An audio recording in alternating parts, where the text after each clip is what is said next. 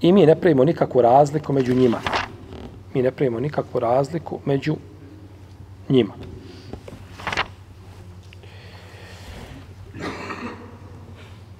Ne pravimo razliku među njima u smislu da su oni svi poslanici ili vjerovjesnici, da su dostavili svojim narodima ono što trebaju dostaviti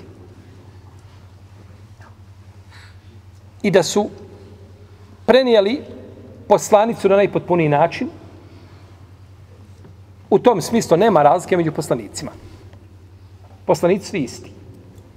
I nije dozvoljeno čovjeku da, jel tako, a, jednog poslanika odlikuje na drugim. Jeste, ovaj poslanik dostavio, ali nije to bilo baš ono kako je trebalo da bude. Nemoguće.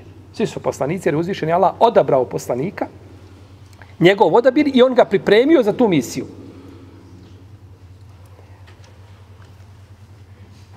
A to da a, slijedimo jednog mimo drugoga, pa da kažemo da je jedan bolji od drugoga, to nije problematično. Pa mi slijedimo poslanika Muhameda, sa osam ne slijedimo vjerozakonike ostali poslanika. I odlikovati jednog poslanika na drugim, to je, jel tako, našeg poslanika, sa osam. Pa posle njega dođe Ibrahim, a.s. Pa Musa, pa Isa, Nuh, je tako, je od svakako od pet odabranih poslanika.